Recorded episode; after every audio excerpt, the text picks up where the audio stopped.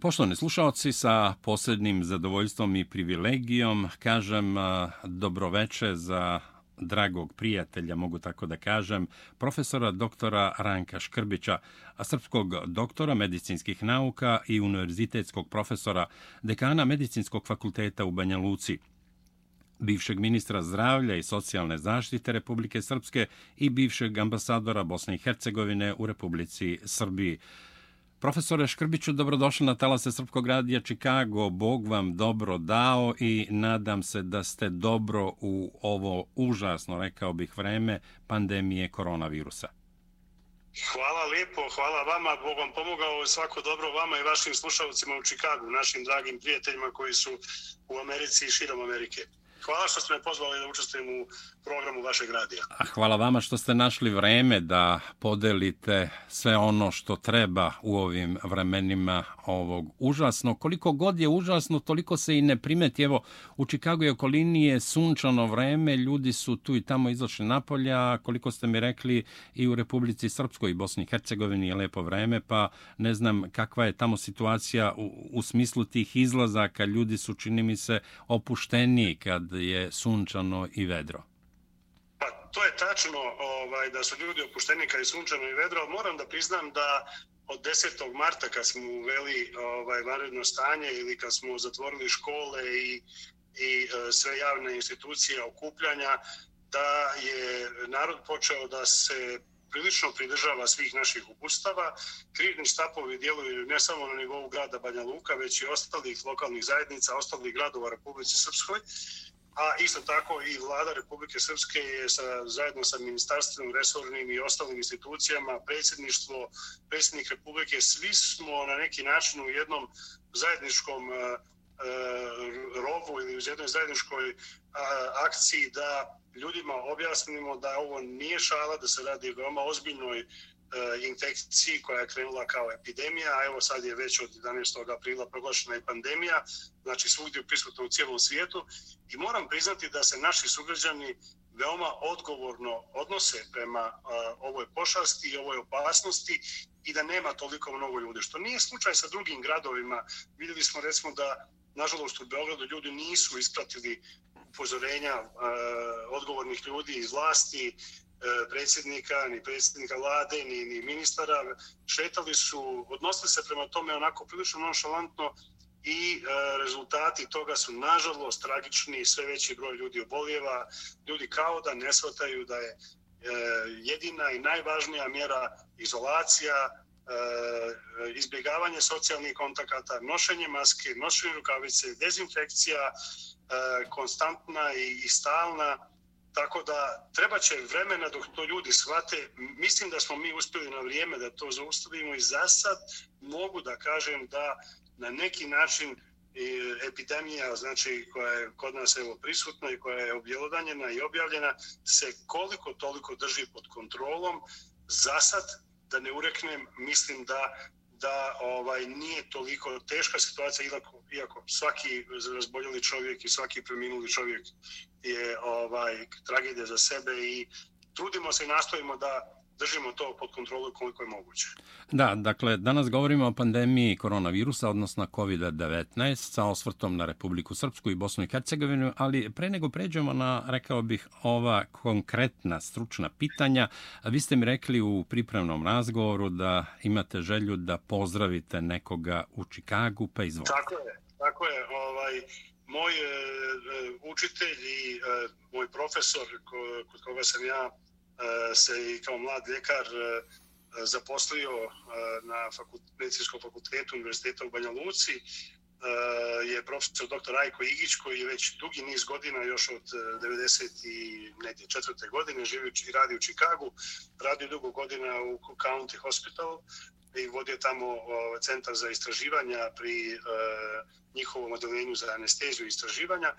I čovjek koji je veoma mnogo publikovao prethodno je mnogo navrata bio ovaj e, u Americi, u Dallasu, u New Orleansu, u odnosno Oklahoma i učestvovao u radu ovaj istraživačkih grupa koji su na neki način tijelom i dodirnuti, evo dodiruju se kroz ovaj koronavirus e, sasvim čudno i sasvim neočekivano, dodiruju se dijelom i ona istraživanja koje on radio sa evo nedavno preminulim profesorom Ervinom Erdešom koji je bio jedan od, jedan od velikana istraživačkog e, E, medicinskog e, svijeta tu u Americi ovaj, i koji je zaslužan za otkrića neka u, u, u samoj medicini. Tako da koristim priliku da mom dragog učitelja profesora Igića pozdravim. On redovno dolazi svako proljeće u, u Sombor, on je Somborac, i onda dolazi u Banja Luku, pošto je naš i sugrađanin i naš e, profesor, nastavnik, e, sad emeritus. Međutim, nažalost, iako je kupio kartu da dođe u aprilu, neće to moći zbog ove situacije koja je, nastav, koja je novo nastala, tako da će ostati u Čikagu i ja mu želim da da poživi, da, da ne izlazi vani, da se pazi, a on zna da se pazi, tako da ne sumnjam da će prebroditi ovu krizu. I naravno sa zadovoljstvom pozdravljamo profesora doktora Igića i nadam se da će nam i on biti gost u narednom periodu na talacima Srpskog radija Čikago. Profesore, Svetska zdravstvena organizacija proglasila je pandemiju koronavirusa 11. marta nakon epidemije koja je izbila u gradu Wuhan, Kina. Na sceni su razne teorije zavere, dakle ne, ne morate komentarisati ove teorije zavere, ali bih voleo da nam kažete a, sa stručne medicinske strane šta je u pitanju. Naime, kažu da je na Kinu izvršen biološki napad, da informacija kola, da je virus pobegao kinezima iz laboratorije u, u Wuhanu, da je virus zarazio kineze koji su konzumirali slepe miševe sa pijace u Wuhanu na koje prodaju meso zmija, pacova, kengura, pasa, škorpija, krokodila i tako dalje i tako dalje, ili da su virus u Wuhan donele doneli američki vojnici koji su učestvovali na nekoj svetskoj vojnoj vežbi koja se upravo održala u Wuhanu. Sa druge strane, medicinski stručnjaci i naučnici govore nešto sasvim drugačije. Molim vas za komentar. Pa, e, isto kao što ste i vi imali priliku da čitate iz raznih medija, društvenih mreža, e, informacije koje se upravo govore to što ste rekli da je u pitanju zavjera, da su različiti scenariji u igri. E, bilo bi neozbiljno sad da se bavimo špekulacijom i da ja kao neko ko mora da vjeruje i, i E, e, definitivno vjerujem samo provjerenim informacijama, oni koji su dokazane, oni koji su publikovane od relevantnih časopisa ili od, od referentnih institucija, e, da sad ja komentarišem da li je nešto hipotetski možda bilo ili nije bilo. Sve to skupa možda je to tako, možda i nije, znači sve su to špekulacije oko kojih nagađamo, ali to nas neće spasiti.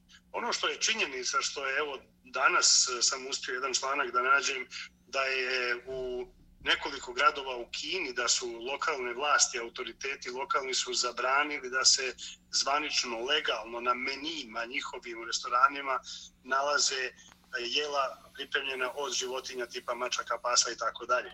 Što je posebno u južnom dijelu Kine nešto što je bilo običajna stvar. Ja sam sasvim slučajno zajedno sa mojim kolegom rektorom univerziteta bio u jednoj zvaničnoj posjeti početkom decembra u, u Kini. Bili smo u e, nekoliko gradova, Peking, e, Tianjin, e, Changsha i tako dalje. Taj Changsha je negdje 600 milijonski grad, nije tako daleko od Wuhana. Ovaj, I mi smo jednom priliku u jednom restoranu, baš smo se ovaj, šalili na tu temu, da li ima o, nekih jela od od životinja, oni su rekli da imamo, imamo na, na meniju imamo ovaj i jela od takvih život, divljih životinja. Uključujući, ne znam, psa, šišmiša i tako dalje, zmije i slično. Što će reći da je to dio njihove tradicionalne kuhinje. Oni će sigurno morati nakon ovoga da mijenjaju te stavove i da donose rigorozne mjere kako bi to zabranili. Ono što je činjenica, to su kineske vlasti i u nekoliko navrata veoma često ponavljali da je došlo do skoka, što je zabilježeno sa uh, divljih životinja na čovjeka, a da je onda virus nastavio da se širi na čovjeka. Zvanična informacija kaže da je došlo do skoka sa slijepih miševa i da je onda nastavio da se širi u populaciji. Ono što je za nas veoma bitno, ovo su sad sve špekulacije, ovaj, eh, kinezi su, kažem, zvanično priznali da je došlo do skoka sa slijepih miševa na čovjeka, ali ono što je važno da u ovom trenutku znamo je to da se on veoma brzo širi, da se radi o potpuno novom virusu.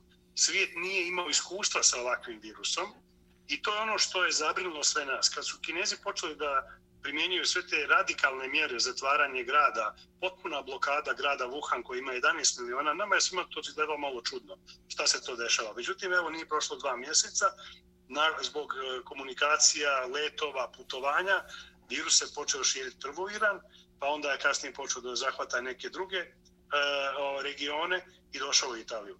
Prema tome, e, teško da sada mogu da, da se, mislim da gubimo vrijeme, ako mislim na, na naučnu javnost, da li će sada, da li se nešto desilo, ko je sad tu kriv, to nek, neke intelligent servisi rade i neko određuju i nek pronalaze, da li postoji neka uzročno posljedična veza s tim. Ali ono što je činjenica, to je da smo mi suočeni i da je posebno interesantno da su najrazvijenije zemlje zapadne hemisfere, počeo od evropske razvijenije zemalja, evo sad i Sjedinjih američkih država, su u najvećem udaru. O tome bi mogli da razgovaramo šta je razlog tome, a mislim da čak postoji neki logični razlozi. E, zapadna medicina, evo koliko me dozvolite da Kako da ne, samo izvolite. Samo izvolite. Ovaj, zapadna medicina, uključujući znači, i Sjedinamečke države, uključujući e, Evropu kao, kao e, lidera u razvoju novih tehnologija, novih principa liječenja, su mislili i stratezi razvoja zdravstvenih sistema su smatrali da nama epidemija i zarazne bolesti su nešto što je iza nas.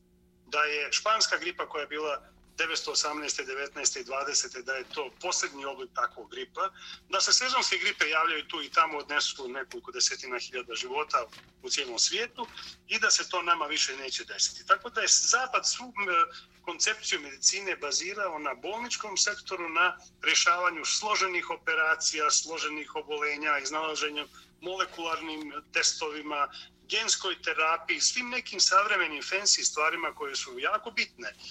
Međutim, te zemlje su upravo sada na udaru jer nisu očekivali da jedan mali virus gdje su mjere prevencije, zaštite, epidemiologija kao nauka važna.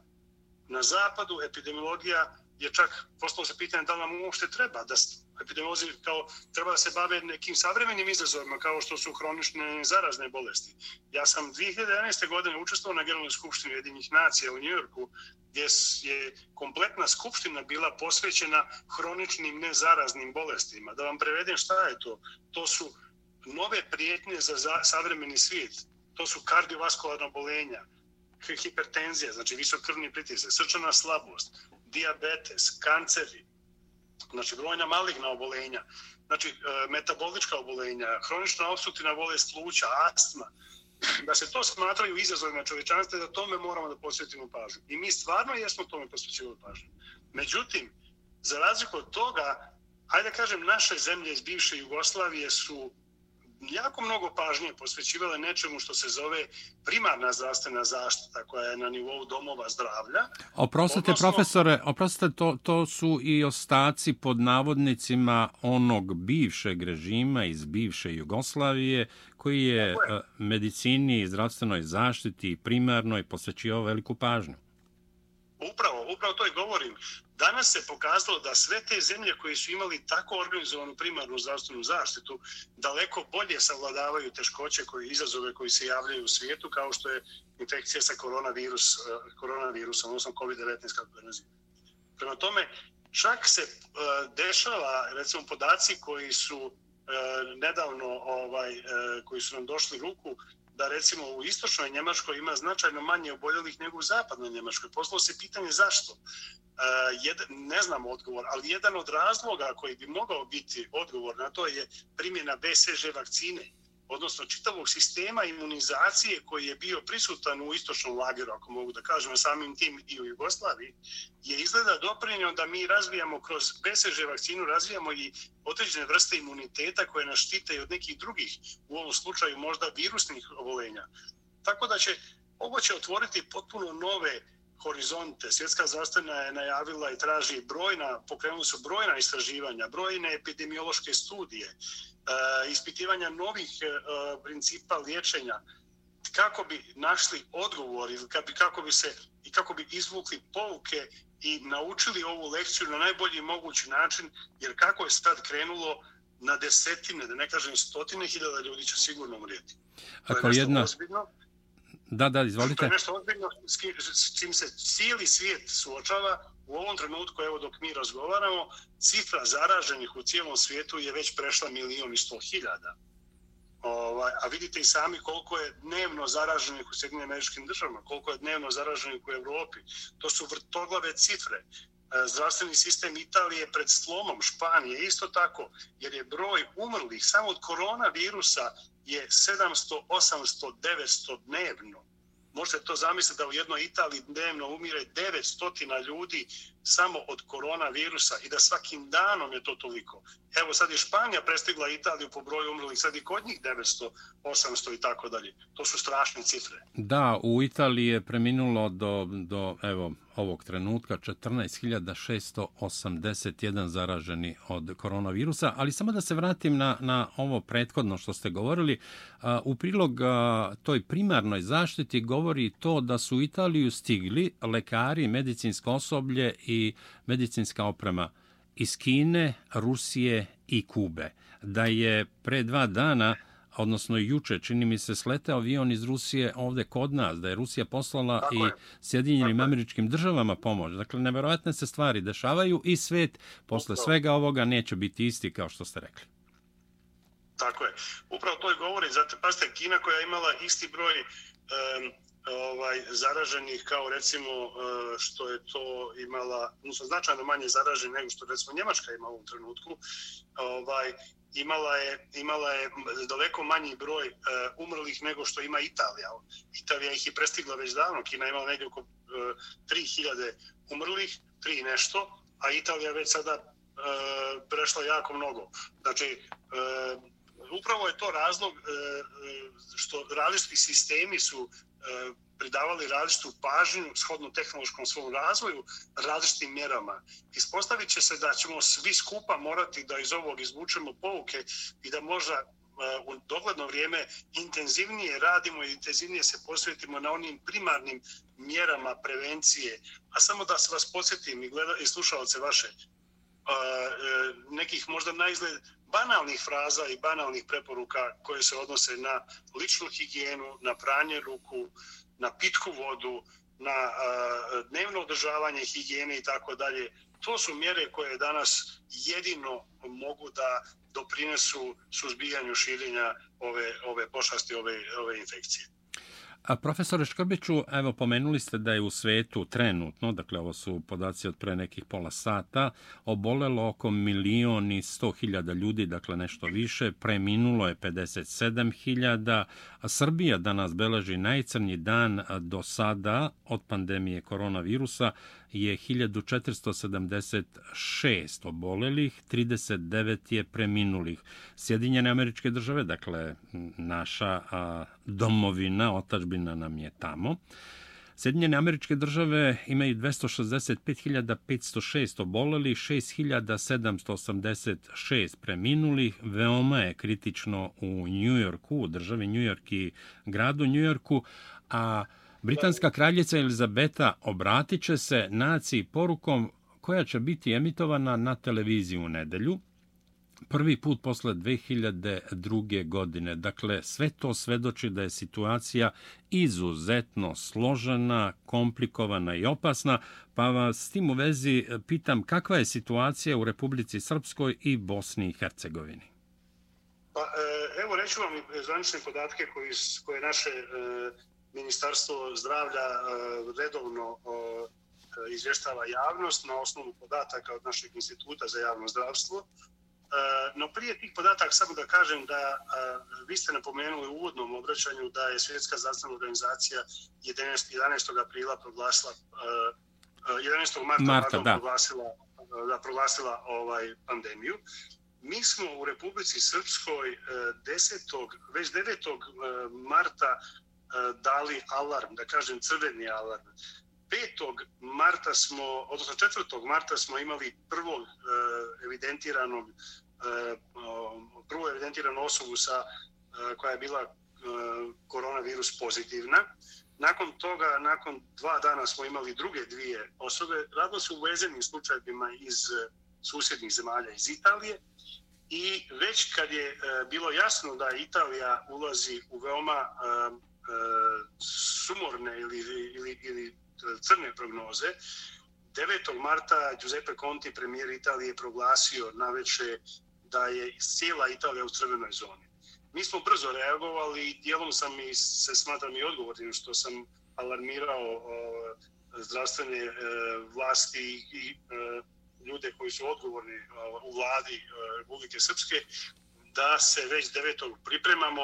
Desetog je vlada Republike Srpske izdala upozorenje, odnosno dala naredbu da se zatvaraju škole javna okupljanja. To znači sva javna okupljanja, sve konferencije, čak i, i sahrane. Neko je pitao, pa čekajte, ne možemo zabraniti sahrane. Rekli smo, da, idu sahrane ne može se okupljati, znači svega nekoliko ljudi. I od tog trenutka su krenule drastične mjere, posebno grad Banja Luka, pošto je u gradu Banja Luka 95% svih zaraženih u Republike Srpskoj se odnosi na grad Banja Luka. Sad već pomalo se javlja u Bijeljini, javlja se u Istočnom Sarajevu, javlja se u Doboju i još nekim gradovima, ali to je sve skupa nekih 15 slučajeva. Znači, ukupan broj, najveći broj slučajeva odnosi se na Banja Luku. U ovom trenutku, mi smo zahvaljujući tim mjerama koje smo uveli, zatvaranje granice, kontrola stroga, e, testiranje svakoga ko ulazi i tako dalje, u ovom trenutku imamo samo 274 pozitivna, što je prilično, ajde da kažem, dobar broj. A ono što je posebno važno, mi držimo trend linearnim. Znači, on nije eksponencijalan, što znači da ne ide po obrasu geometrijske progresije, da imate da od 2 do 4, od 4, 8, 8, 36 i tako 16 ili 36, već idemo idemo postepeno. Znači, u ove mjere su uspjele da zadrže da se broj zaraženih dnevno, na dnevnoj osnovi otprilike kreće oko 20, 22, nekad 17, 25 i tako dalje. Što je prilično dobro sa stanovišta kontrole procesa. U ovom trenutku od 274 u Srpskoj 104 su oboljela, 37 je sa akutnim respiratornim problemima, znači upalom pluća, 7 ih je trenutno na respiratoru i imamo pet, odnosno šest preminulih. Uh, uglavnom su to starije osobe koje su imale neke druga obolenja, bilo da su kardiovaskularno diabetes ili neka druga hronična obolenja. Ukupno u Bosni i Hercegovini je 575 pozitivnih, znači oni koji imaju ovaj pozitivnu dokazanu infekciju uh, uh, kroz najsavremeniju real-time PCR tehnologiju i ukupno je u Bosni i Hercegovini 17 umrli, znači 12 u federaciji, 5 odnosno sad već danas popodne 6 u Republici Srpskoj.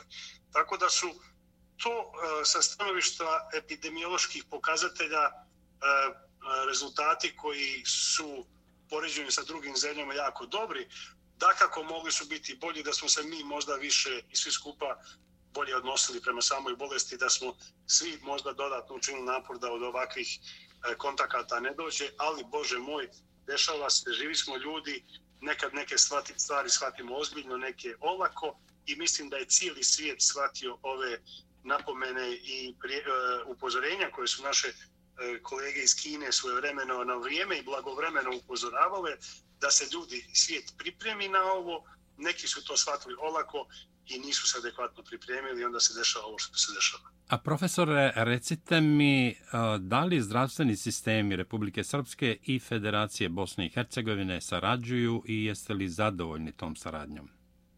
Pa mi sarađujemo, evo ja sam eh, u stalnom kontaktu sa mojim kolegama koji su i profesori kod mene na fakultetu, ovaj, posebno iz oblasti mikrobiologije, iz oblasti javnog zdravstva, public health, znači epidemiolozi, mikrobiolozi, infektolozi, načelnici infektivnih klinika.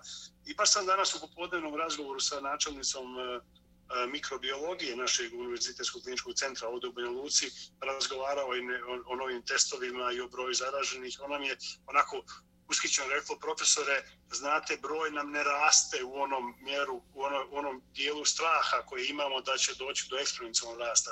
Znači, taj broj je postepeno u porastu. Ja je baš pitam kakva je situacija, sarađuje li sa kolegama iz e, Federacije iz Sarajeva, Mostara, kaže ono, da kako mi smo u stalnom kontaktu, čak je Banja Luka, odnosno naš laboratorij pomogao je Mostaru, recimo, njima je zahvalilo nekih testova, nekih podloga za brzu analizu, pa smo im mi brzo dopremili. Tako da ta saradnja je prisutna u cijelom regionu, posebno sa, sa Republikom Srbijom. E, prek sinoć je došao jedan kontingent opreme iz Srbije, koji je Srbija, e, gdje su gospodin Dodik i gospodin Vučić e, već u nekoliko navrata ranije razgovarali, čak je prije nekih desetak dana gospodin Dodik dok su još granice bile otvorene, išao u, u Beograd i razgovarao sa predsjednikom Vučićem vezano i za kinesku pomoć i tako dalje. Tako da je prvi kontingent opreme stigao i ta saradnja je stalno prisutna. Tako da postoji saradnja, ona mora biti u ovim uslovima, prosto je nezamislivo da budete izolovan ostrovo i da vam se ništa neće desiti. Ovdje je saradnja od presudnog značaja za uspjeh i borbu protiv e, koronavirusa.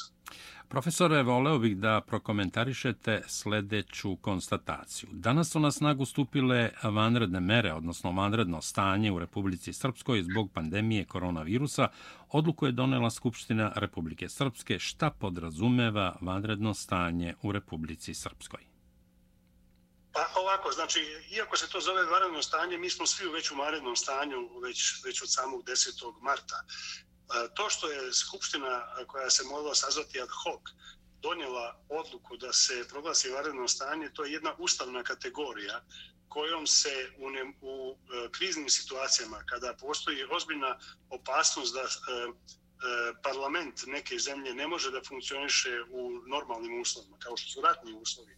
A ova pandemija je definitivno se može smatrati ratnim uslovima. Ovo je ratna doktrina i ratna, ratna filozofija tako da je i e, sistem upravljanja državom se mora odvijati kao da je u pitanju ratna prijetnja. E, Skupština Republike Srpske je proglasila vanredno stanje iz prostog razloga za da veću operativnost E, zvaničnim institucijama Republike Srpske, prije svega predsjedniku Republike, odnosno predsjednici Republike i predsjedniku vlade, da po potrebi za e, dobrobit stanovništva i mjera koje donosi e, u, cilju suzbijanja epidemije, da može donositi neke zakone koji se odnose isključivo na ovu oblast i to ad hoc, da ne mora prethodno sazivati parlament, jer je veoma teško sazvati parlament u ovakvim uslovima kada, evo, danas je, recimo, od sutra je zabrana kretanja između opština. Da bi maksimalno tokom vikenda, i to će trajati od sutra ujutru, od subote do nedelje na večer, da bi smanjili za vrijeme vikenda u lijepo vrijeme da ljudi mogu sada da sjednu u kola, da putuju između Banja Luke i Doboja, da iz Doboja idu, ne znam, u Bijeljinu ili idu u Sarajevo, upravo s razlogom da se smanji kont, e, mogućnost kontakata među ljudima, što će sigurno bi mogla doprinijeti bržem razvoju širenja, širenja epidemije. Upravo iz tog razloga donesene su ove mjere vanrednog stanja u Republici Srpskoj, tako da odluke koje donosi krizni štab, odnosno na čelu sa predsjednicom Republike su obavezujuće za sve institucije Republike Srpske. U suštini one ništa ne znače drugačije nego što su krizni štabovi pojedinih opština već donijeli, a to je zabrana kretanja, to je policijski sat koji počinje od, od e, 20 časova do uh, e, 5 ujutru, to je uh, mjere zabrane kretanja u određenim danima. Recimo danas jutro od 7 do 11 je bila zabrana kretanja za sve izuze za penzionere koji mogu i treba da odu do, do, do ljekara, da odu do apoteke, da odu u nabavku. Kad oni završe svoje, tek onda u 11 sati ostali mogu da se kreću. Naravno, to se ne odnosi na javne službe, na policiju, na medicinske stručnjake, hitne službe, one službe koje su odgovorne za sandjevanje i funkcionisanje grada. Ali to su službe koje su posebno obilježene. Uglavnom, evo, ni ja koji imam obavezu da budem i da radim na fakultetu, zbog određenih specifičnosti koje mi radimo i doprinosimo zdravstvenom sistemu, nisam izlazio iz kuće do 11 sati. Tek kad je to prošlo, ja sam otišao na posao. Da, profesore, vi ste bivši ministar zdravlja i aktuelni dekan medicinskog fakulteta u Banja Luci. Sigurno ste izuzetno dobro informisani koliko je zdravstveni sistem Republike Srpske spreman da se suprostavi koronavirusu, odnosno ovoj pandemiji, i kakva je situacija sa važnom medicinskom opremom, respiratorima, maskama, zaštitnim modelima, rukavicama i lekovima, posebno kad je u pitanju lek hlorokin.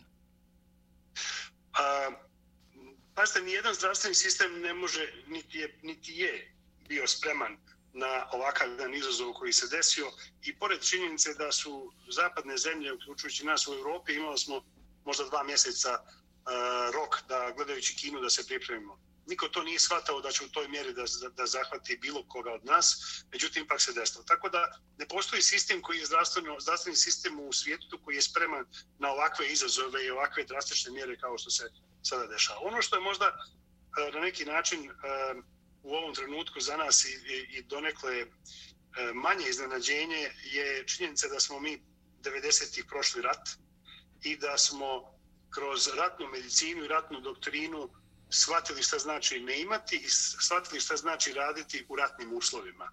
Ovo što nam se sada dešava je neka nova vrsta rata.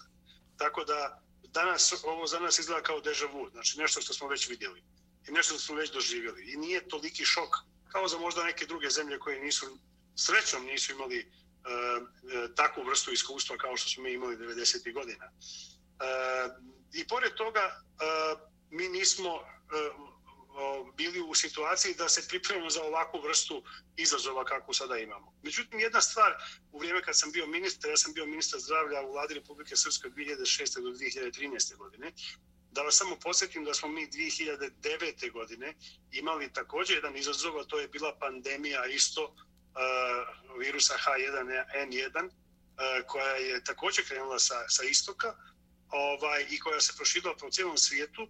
I dobro se sjećam riječi tadašnjeg generalnog e, direktora Svjetske zdravstvene organizacije, gospođe Margaret Chang, koja nam je na jednom sastanku u Ženevi rekla, gospodo ministri, što god uradite, pogriješite. Tad je bila velika priča da se kupuju zaštitna odjela, da se kupuju vakcine koje su srećom tad bile već napravljene, da se kupuje tada lijek jedan koji se zvao Tamiflu, koji je e, bio dostupan zdravstvenim vlastima, mi smo razmišljali koliko da kupimo, jer je bilo pitanje koliko sad kupite. Ako kupite malo, to je to što je gospođa generalni direktor rekla, što god uradite pogrešili ste. Ako kupite malo, neko će vam reći zašto ste kupili malo. A ako kupite previše, ne iskoristite, onda će neko reći, pa počekajte, niste raspolagali resursima i materijalnim sredstvima na najbolji mogući način. Vi ste kupili više nego što ste uh, trebali. Uh, neodgovorno ste se odnosili prema tome. Ali, ono što je važno, što smo izvukli kao lekciju, srećom nama ti lijekovi nisu trebali bacili smo to niz vjetar ili niz vodu. Ali ono što smo tada nabavili, to su bili respiratori. Tada smo nabavili zaštitna odijela. Tada smo nabavili mnoge druga zaštitna sredstva koja su nam i tekako sada koristile. Tako da smo sa određenim brojem respiratora već raspolagali. Naravno, sad je čitava pomama za respiratorima. Ja samo moram da skrenem pažnju respiratori su postali, kako da to kažem, možda čak malo i fancy stvar. Da, e, upravo ljudi tako. Ljudi se osjećaju sigurnije. Međutim, ono trenutka kada pacijent dođe na respirator, to je već poprilično teška situacija i malo se ko izbori i preživi ukoliko je dođe do respiratora. Neće nas respiratori spasti, nas će spasti socijalna distanca, nas će spasiti odgovornost, samo odgovornost. Nas će spasiti maske na nosu i na ustima. Nas će spasiti pranje ruku. Nas će spasiti da ne, ne dodirujemo jedni druge, da se ne družimo, da izbjegavamo druženja, da se distanciramo kako bi spriječili sistem prenosa uzročnika, a to je virus koji prelazi e, kaplično, što znači neće vazduhom. Za sad još nema dokaza da on ide vazduhom, da vjetar ga raznosi već kaplično sa osobe zaražene na drugu zaraženu, odnosno na drugu osobu nezaraženu i onda se tako širi. Znači, taj kontakt je bitan. Kod nas se desilo da je izvorište e, infekcije se desilo u jednom, jednom restoranu, jednom e, kafeu gdje se slavio jedan rođendan, to je bilo nekoliko stotina ljudi, gdje su faktički svi koji su tu bili su se zarazili. A znate kako se zarazili? Zarazili se preko čaša.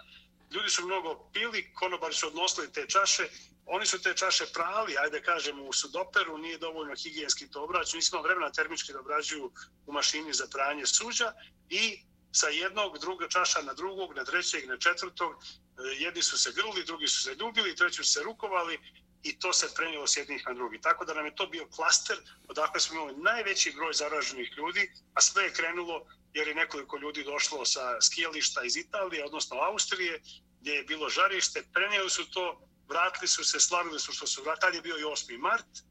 Ljudi vole da slave od nas i e, imaju fešte po raznim e, datumima. 8. mart je bio razlog okupljanja i tako je sve krenulo. Prema tome, neće zdravstvenim sistemima pomoći ni hiljade respiratora, jer te hiljade respiratora treba da obslužuju hiljade doktora, a nema te ih. Tako je, da. Koliko god, koliko god e, grad bio veliki i mali, on ima racionalan broj doktora i racionalan broj onih koji rade u intenzivnim njegama.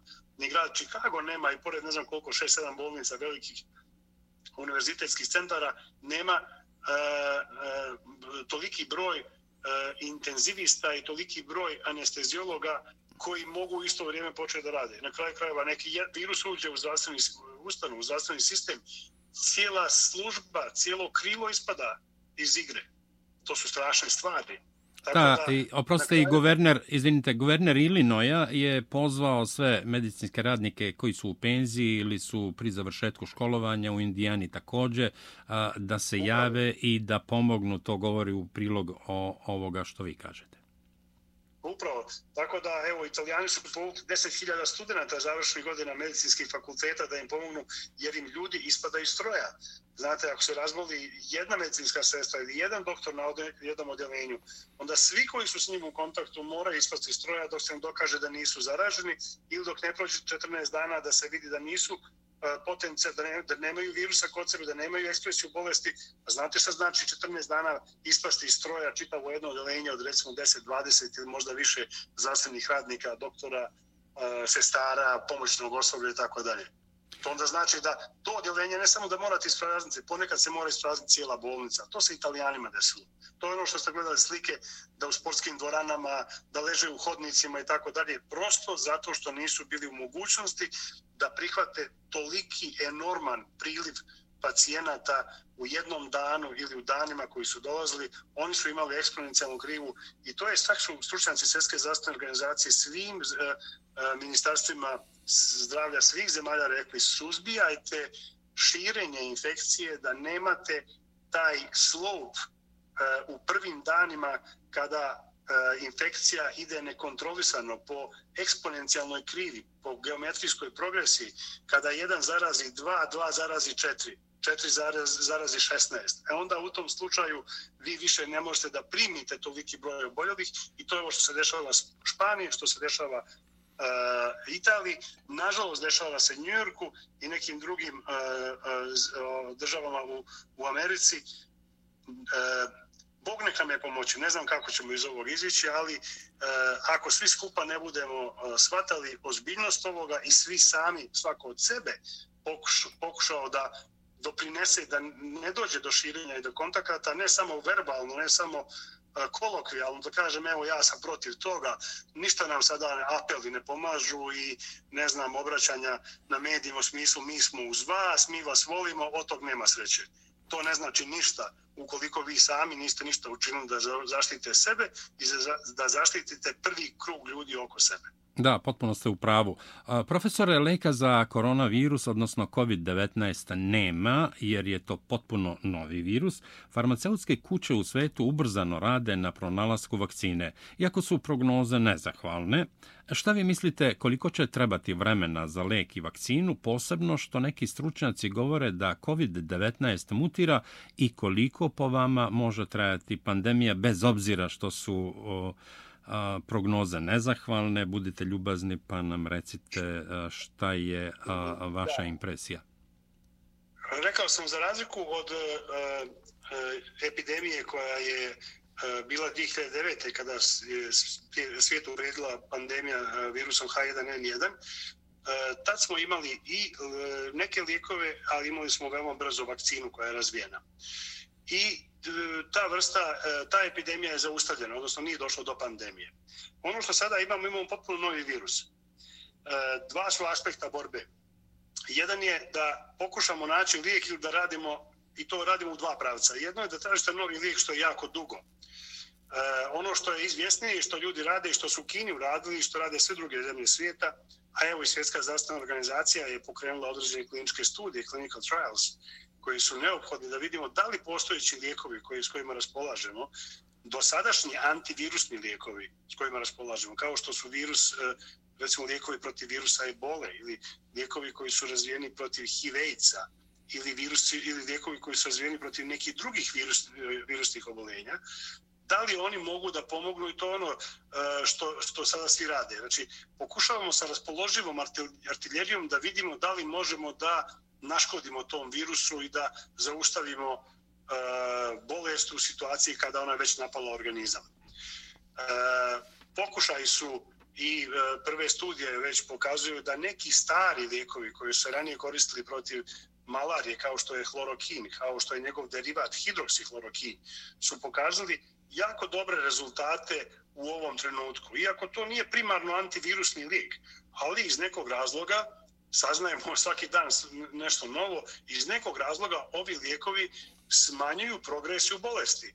Da li oni djeluju anti e, e, protu, protu upalno ili djeluju na sam virus da smanje njegovu razmnožavanje, njegovu replikaciju ili djeluju neke druge mehanizme i mi još uvijek to ne znamo, ali bilo kako bilo, taj lijek izgleda da radi.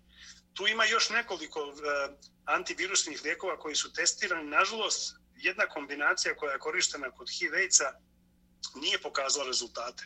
Dok neki drugi antivirusni lijekovi imaju određene rezultate i imaju čak i dobre rezultate.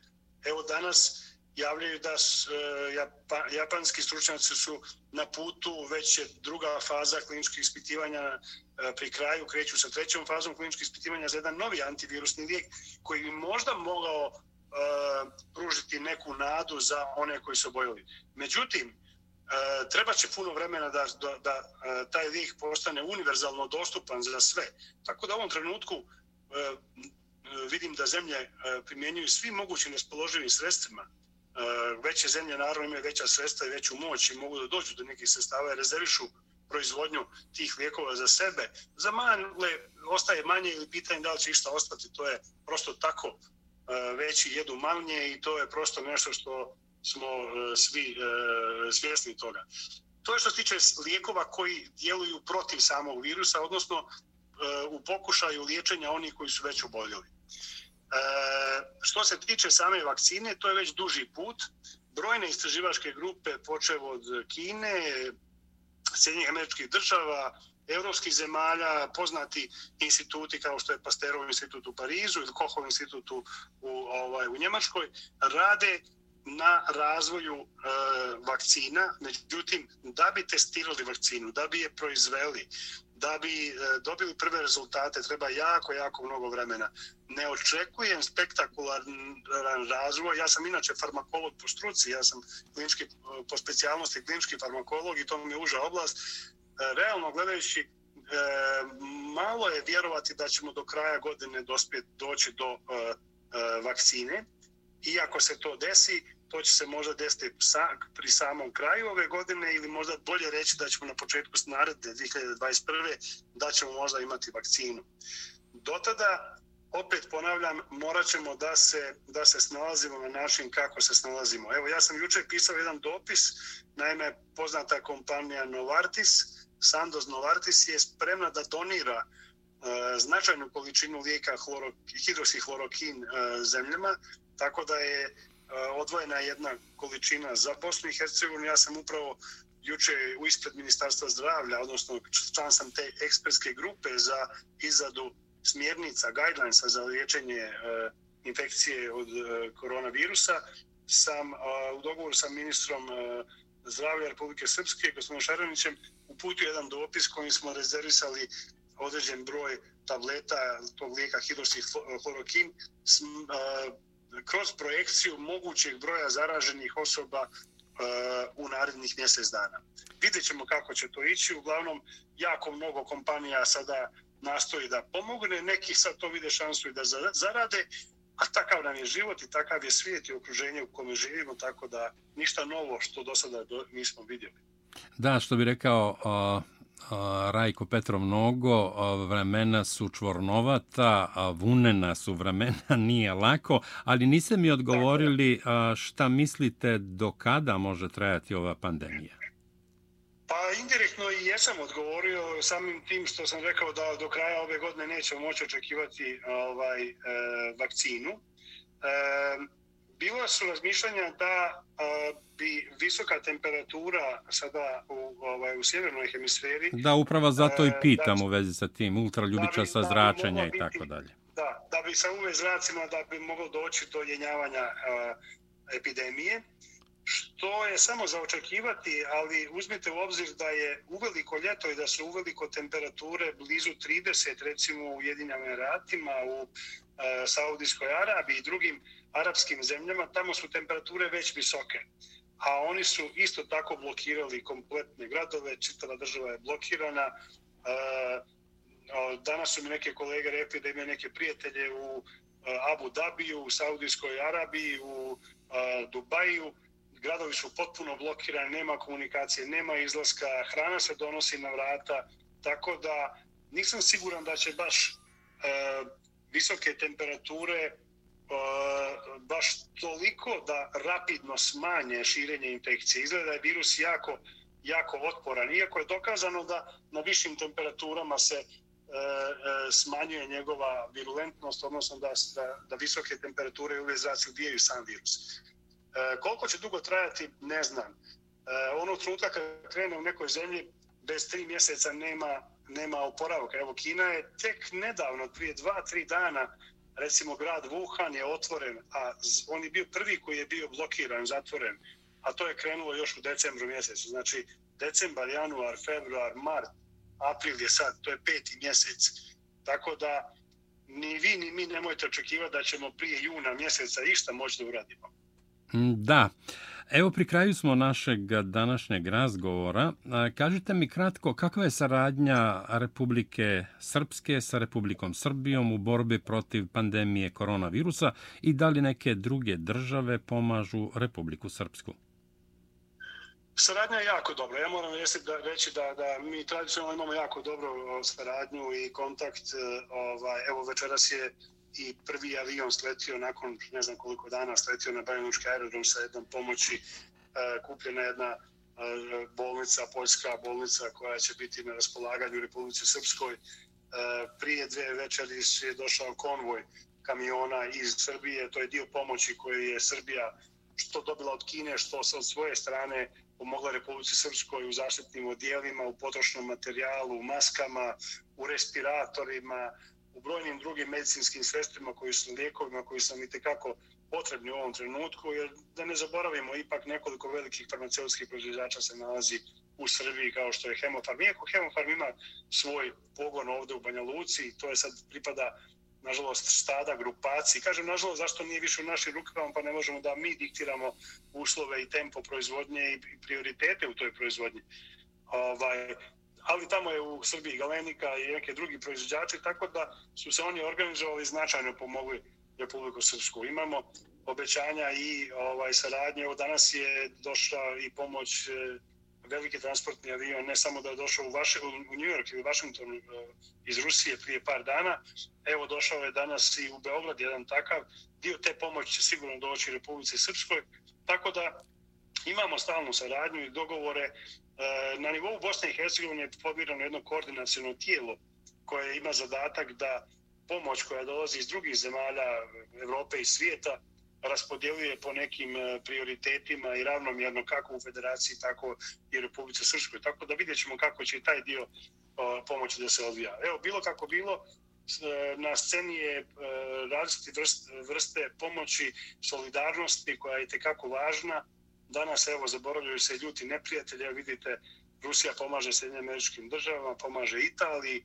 Do juče smo bili svjedoci da se moraju od sankcije i obrnuto. Tako da svijet će se definitivno, vi ste rekli u jednom trenutku, više neće biti kao što je bio. Sve se mijenja i bit ćemo svjedoci nekog novog doba i neke nove, nekog novog, nekih novih odnosa u, kod nas i u svijetu čak i novog privrednog e, razvoja, novih komunikacija, novih tehnologija.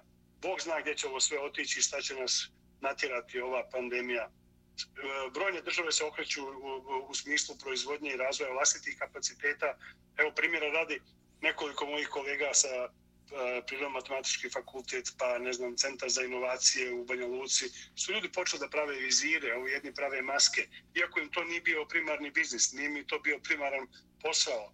Jedni sada tamo prave, ne znam, neke druge ovaj, veoma potrebne stvari, stalke za, za, ne znam, za infuzije, e, svašta se počne ljudi da proizvode prosto iz razloga što im kapaciteti stoje prazno, ne mogu da rade poslove za poznate e, svjetske e, brendove, okreću se da rade ono što mogu i što moraju. Tako da ovo će dovesti do potpuno jednog ovog odnosa u svijetu, tako da i već smo se toga ove godine.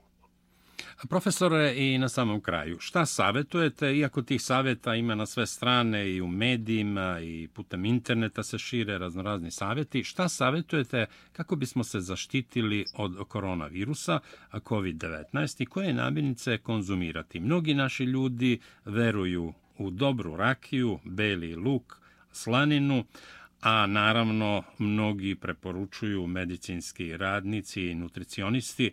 C vitamin, limun i citruse, džumbir, cimet i tako dalje. Izvolite. Ovaj, eh, ono što bi možda bilo veoma važno ovaj, u ovoj eri eh, društvenih mreža i neprovjerenih informacija, da ljudi ne nasjedaju, mada je to lako reći, a teško ostvariti. Jer vama E, na telefonu svakih par minuta iskoči neka nova informacija, posebno ako ste u društvenim mrežama, posebno ako ste se zakačali neke sajtove koji vas obavještavaju nekim stvarima. Tako da velik broj informacija će se javiti koje, koje nisu provjerene.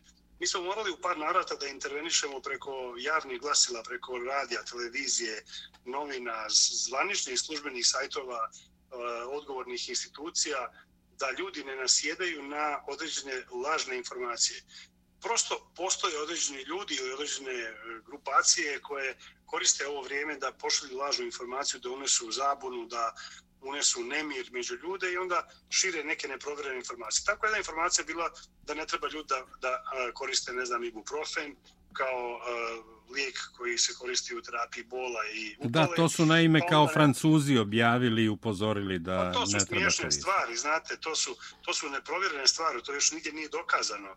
Još onda usto obično stave neku sjedu u glavu čovjeka sa bradom, kaže, eto, njemu ne daju da govori, on je pronašao, svijetu ne odgovara da se to pojavi.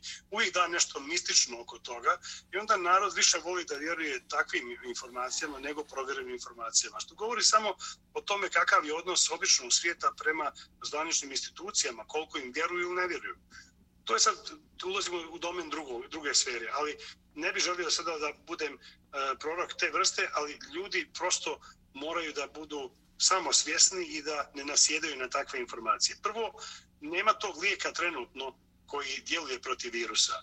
Čak su bile neke informacije da neki antibiotici djeluju protiv virusa. Antibiotici su lijekovi koji su namijenjeni za bakterije. Virus je nekoliko stotina puta manji od bakterije. I e, antibiotici koji djeluju na bakterije uopšte ne djeluju na viruse.